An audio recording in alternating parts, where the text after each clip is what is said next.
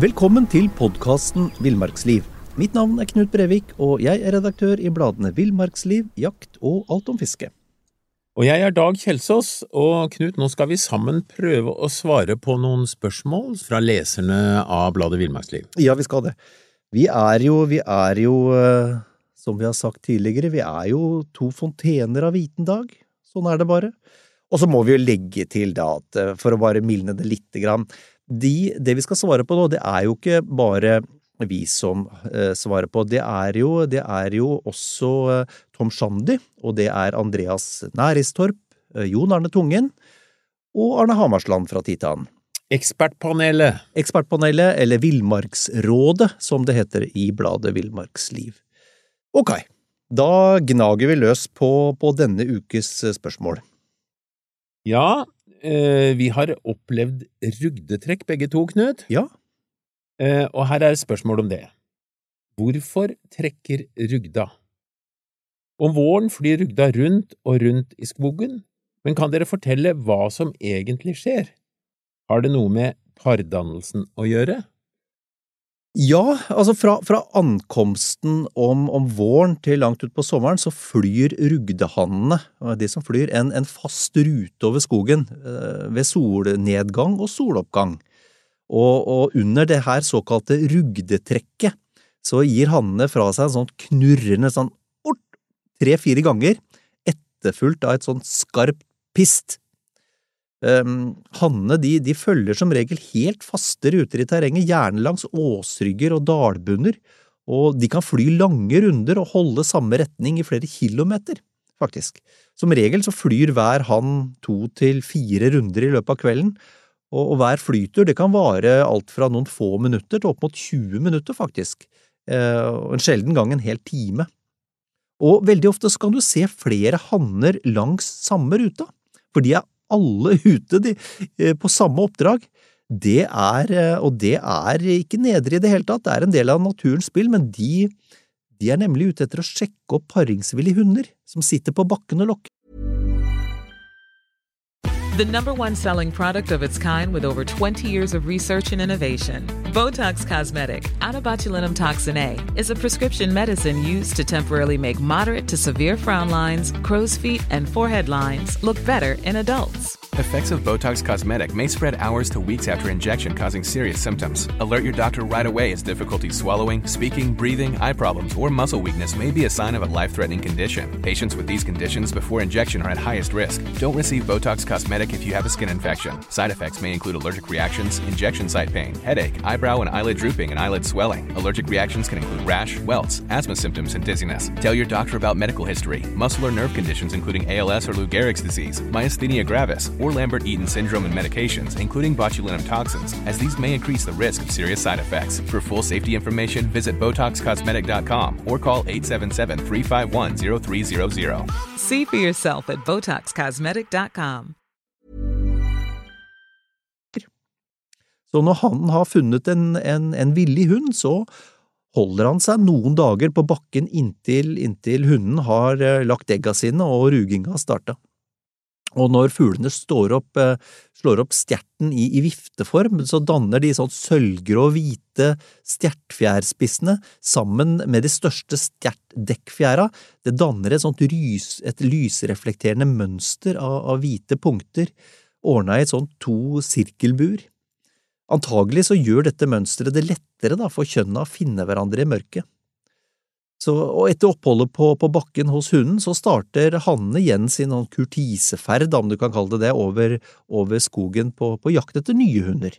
Skikkelig rundbrenner, det der? Det kan du godt si. Rugda er polygyn, altså en hann kan uh, pare seg med flere hunder. De er ikke spesielt, um, ikke spesielt trofaste. Um, så hunden må jo derfor klare både ruging og ungepass uten en hjelpende hann ved sin side. Ja. Men Dag, vi, vi beveger oss fra, fra Rugdas uh, sjekketeknikk vi over til, til fiske. Og, og, det er med tittelen Skyte ut sluker. Og, og det går som følger. På en eller annen måte må det gå an å skyte ut sluken under fiske. Kanskje med sprettert, krutt eller trykkløft Det ville gjort fisking mye enklere, skriver innsender, særlig der det er trange plasser. Finnes det noe kasteredskap som skyter ut sluken? spør vedkommende. Ja, det er litt artig, det her eh, La oss si med en gang, du, du putter ikke en sluk ned i ei munnladehagl og skyter den ut, altså. Det høres litt drøyt ut, ja. Ja. Men eh, det har faktisk vært gjort mange forsøk på å finne ut et eller annet, en patent på dette her, men det nærmeste vi kommer, det er kanskje den derre gammeldagse boksen. Eh, særlig før så, så var det sånne store fiskeballbokser, og Ja, ja, ja. så satte du et skaft inni der av tre, så surra du sena utapå boksen, og det blir jo som sporen på haspelsnelle, kan du si. Ja. Men, men da Det tok jo ikke mye plass, som innsenderen nevner her. Og så kunne du bare holde eh, sluken i en Holde i sena, og så sluken henger litt under, og så kunne du slenge den ut. Ja, for du vet, med en sånn kasteboks, eh, de av oss som var eh, interessert i å kaste snøball i sin tid, og småstein, vi veit jo det at da trenger du ikke veldig store plassen for å få et ordentlig rapp på en sånn kasteboks, altså. Så, så du, du trenger mye mindre plass enn med ei fiskestang, da. Ja. Eh, du kaster snøball fortsatt, Knut, så du trenger ikke å bortforklare det. Småstein. Ja. Men i hvert fall, eh, kasteboksen, den, eh, den er kanskje det nærmeste. Eh, så eh, når det gjelder kastelengden eh, du får til der, så er den nesten like langt som med stang. Men, men kort fortalt, det, det er ikke noe sånn utskytingsgreie som er praktisk eller gjennomførbar å bruke på fiske. Du må fortsette med stang, men du kan bruke kort stang hvis, du, hvis det er tett, da. Mm. Eh, over til fugleriket, Knut. Hvor er ringtrosten? Enkelte vårer kan jeg se svarte troster med en halvmåneforma hvit flekk i halsen. De hopper omkring på jordene og tar mark som andre troster. Hva slags trost er dette, og hvor blir det av den? For det er jo fakta at den, i hvert fall vi som bor da eh, på Østlandet og kanskje litt lavt i terrenget, vi, vi ser av og til ringtrost på jordene, men han blir borte, du ser den ikke midt på sommeren, så hva skjer? Ja. Nei, for det er jo Det er nok ringtrosten som vedkommende har sett, ja, og den, den dukker opp eh, om våren mange steder, og hopper omkring på plener og jorder og spiser mark. Og så blir den, som du sier, borte, for den, den hekker ikke lavlandet, som de fleste andre trostene. Den, den foretrekker eh, høyereliggende strøk nær tregrensa, og gjerne i områder med, med mye stein og fjellvegger, og, og, og gjerne også busker med gressmarker imellom. På Vestlandet og i Nord-Norge så, så finner den også langs kysten, faktisk. Uh, ja, da beveger vi oss igjen over til det våte element, Dag. Det er jo din spesialitet, det. Uh, og og tittelen på det spørsmålet er Ødelagt stangring. Hei, dere i Villmarksliv, vi er en liten søskengjeng som elsker å fiske. Av oss er jeg den eldste og har derfor fisket litt lenger enn de to andre. Problemet er at småsøsknene mine har en tendens til å sveive sluker og spinnere inn i den øverste stangringen, som da ofte ender med å måtte skiftes. Har dere noen smarte tips til oss? Og dette her tror jeg er eh, flere enn innsender som, som lurer på, Dag. Ja, altså, beste løsningen er at man ikke skal ha småsøsken, for da slipper du problemet. Og det er litt dramatisk. Ja, du syns det? ja, jeg syns det. Jeg syns det. Ja, ok. Nei, du, øh, det er jo et problem at hvis du sveiver sluken hardt inn i toppringen, så kan den ryke. Ja. Og i hvert fall bli slitt. Så um, en mulighet er hvis du har en eh, svirvel på foran sluken, eller en sånn eh, hurtigbyttesak, så kan du sette ei gummiperle på øversida, altså inn på scena på øversida av den. Ja. Og det, sånne ting får du kjøpt i spesialforretninger, eller du kan finne på noe sjøl, da. Mm, mm. Men eh, det vil være en myk greie som da stopper mot, mot denne toppringen, så det ikke skjer noe. Om det er smart, da. Ja. Eller så, så vil jeg slå et slag for å, å lære småsøsken å feste sluken på den festeringen for sluk, som jo er på de aller fleste stenger. Ja. Den sitter rett på oversida der eh, håndtaket slutter. Ja. Der er det en sånn eh, en liten krok, eller hva du vil, på sida, som, som du bare kan sette en av slukkrokene inni, og Ja. så har du den der. Ja, for det er jo funksjonen dens. Ja, og så eh, dessuten, det er mye Det er litt farligere å gå rundt med ei fiskestang med en sluk i enden, som du kanskje kan slenge inn i øra på en annen en som går foran deg på stien. Ja. Og du kan lettere knekke stanga, for da henger den fast, og så kan du ryke. Ja. Så da vil jeg heller si at det er svaret der, og så går vi over til dyreriket igjen, Knut. Dyreriket, ja. Og det gjelder Norges minste pattedyr. Ja. Eh, Vi har diskutert i kompisgjengen hva som er Norges minste pattedyr, men det er avvikende meninger. Hva er riktig? Noen mener det er mus, andre snakker om spissmus. Ja, Og du var iallfall i ungdommen veldig tent på mus, Knut, kan du fortelle litt her? de kalte meg Musemannen. Ja. Nei da, de gjorde ikke det.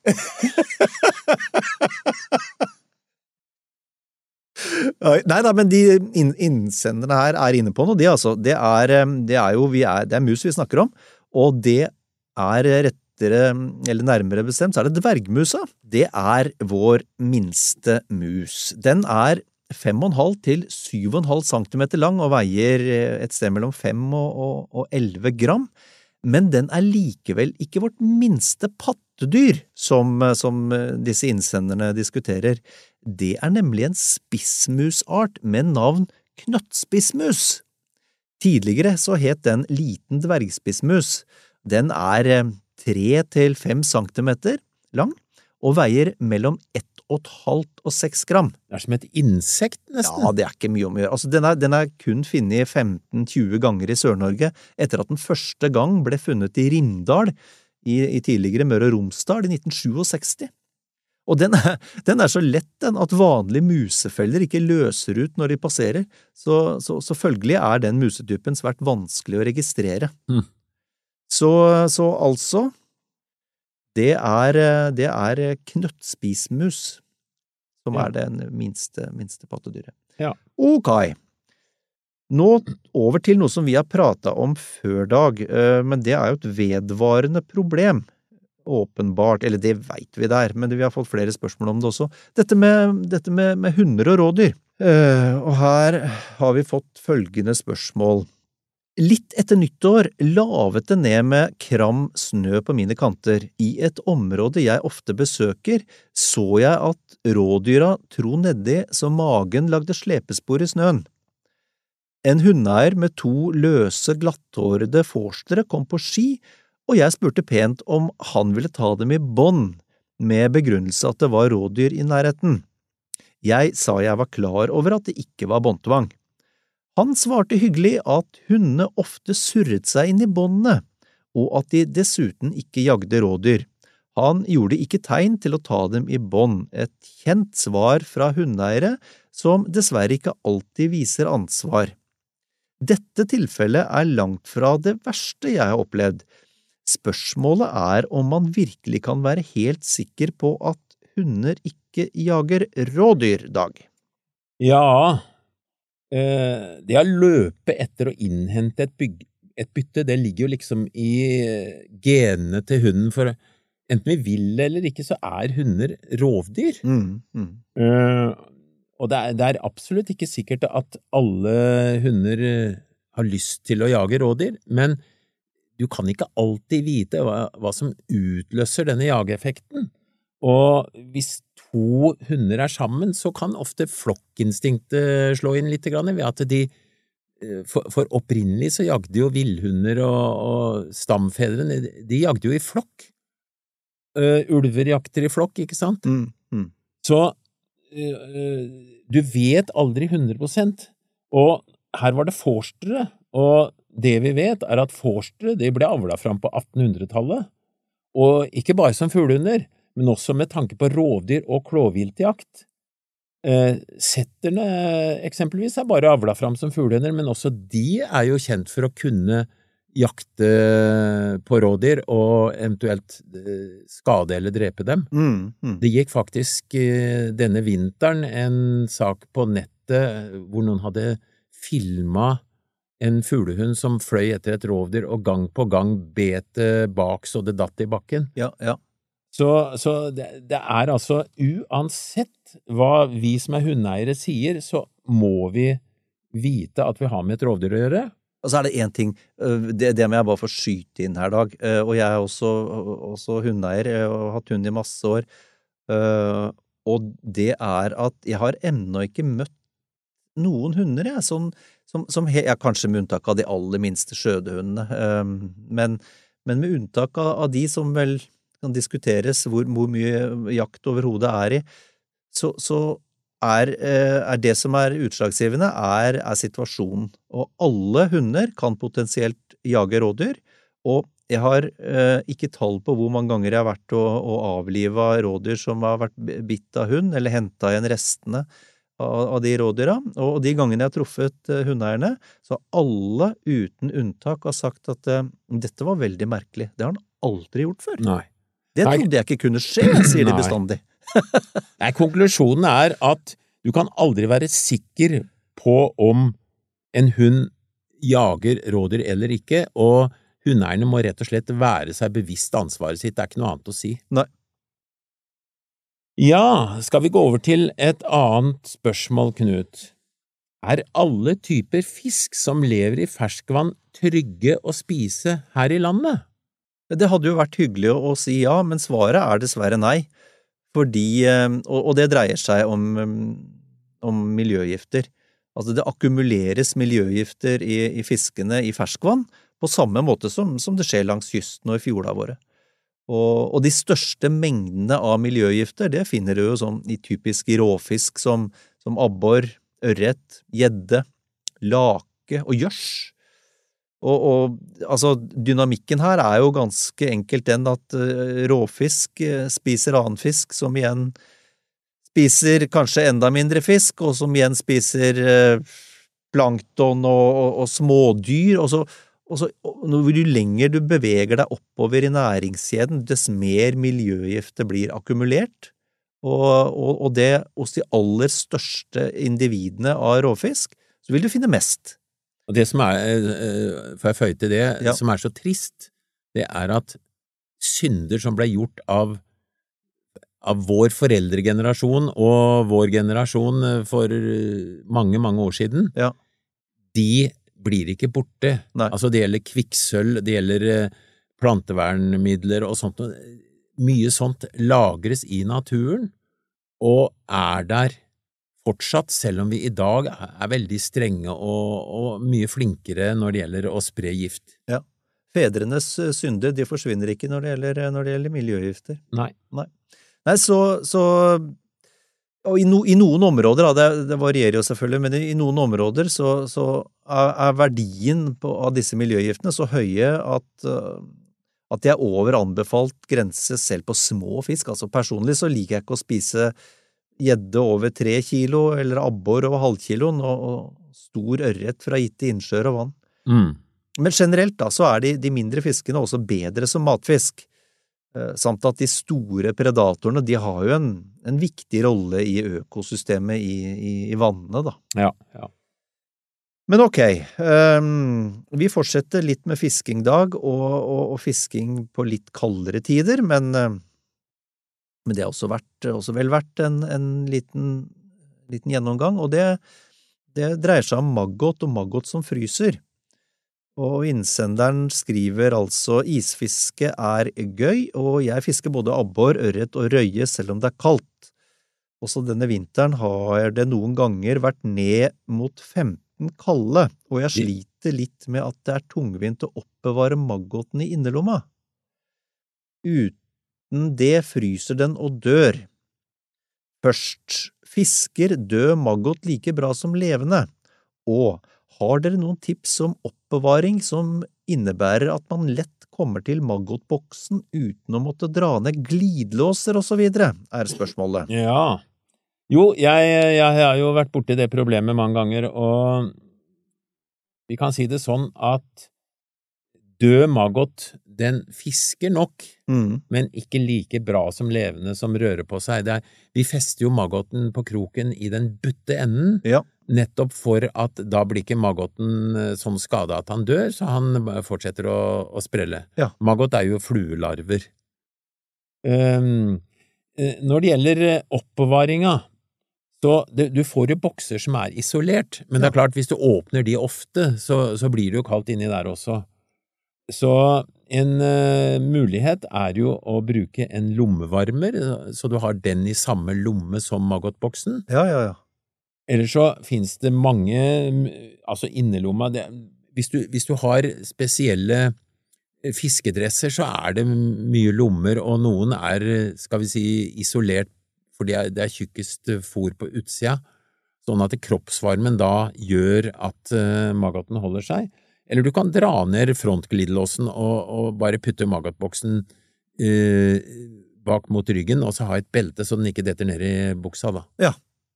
Så det, det er flere muligheter her, men, men det lønner seg å, å sørge for at magoten holder seg så varm at han iallfall rører seg, og, og, da vi snakker om at de fryser ved et par kuldegrader. Ja. Så, ja. Og så vil jeg, vil jeg, bare sånn Det er vel, er vel et gammelt jungelord, og, og en, egentlig en godt rotfesta viten i isfiskemiljøet, at uh, det er ugunstig å glemme igjen maggotboksen i jakkelommen, henge jakken i gangen, og så åpne boksen etter en uke eller to. Det virker som du snakker av egen erfaring. Jeg sier bare det kan være uheldig. Det kan være veldig. Ja, ja. Eh, det har vi begge erfart, Knut. Sånn, sånn er det med den saken.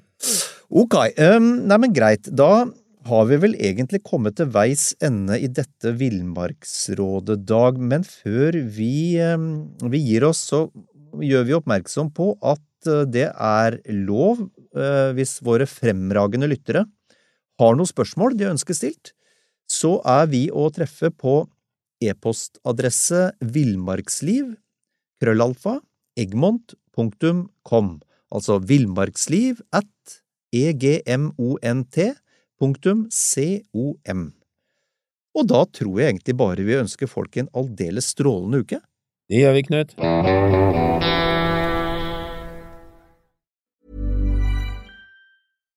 The number one selling product of its kind with over 20 years of research and innovation. Botox Cosmetic, out toxin A, is a prescription medicine used to temporarily make moderate to severe frown lines, crow's feet, and forehead lines look better in adults. Effects of Botox Cosmetic may spread hours to weeks after injection, causing serious symptoms. Alert your doctor right away as difficulty swallowing, speaking, breathing, eye problems, or muscle weakness may be a sign of a life threatening condition. Patients with these conditions before injection are at highest risk. Don't receive Botox Cosmetic if you have a skin infection. Side effects may include allergic reactions, injection site pain, headache, eyebrow and eyelid drooping, and eyelid swelling. Allergic reactions can include rash, welts, asthma symptoms, and dizziness. Tell your doctor about medical history, muscle or nerve conditions including ALS or Lou Gehrig's disease, myasthenia gravis, or Lambert Eaton syndrome and medications, including botulinum toxins, as these may increase the risk of serious side effects. For full safety information, visit BotoxCosmetic.com or call 877 351 0300. See for yourself at BotoxCosmetic.com.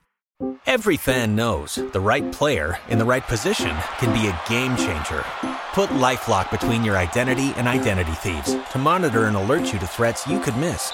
Plus, with a US based restoration specialist on your team, you won't have to face drained accounts, fraudulent loans, or other losses from identity theft alone. All backed by the Lifelock Million Dollar Protection Package.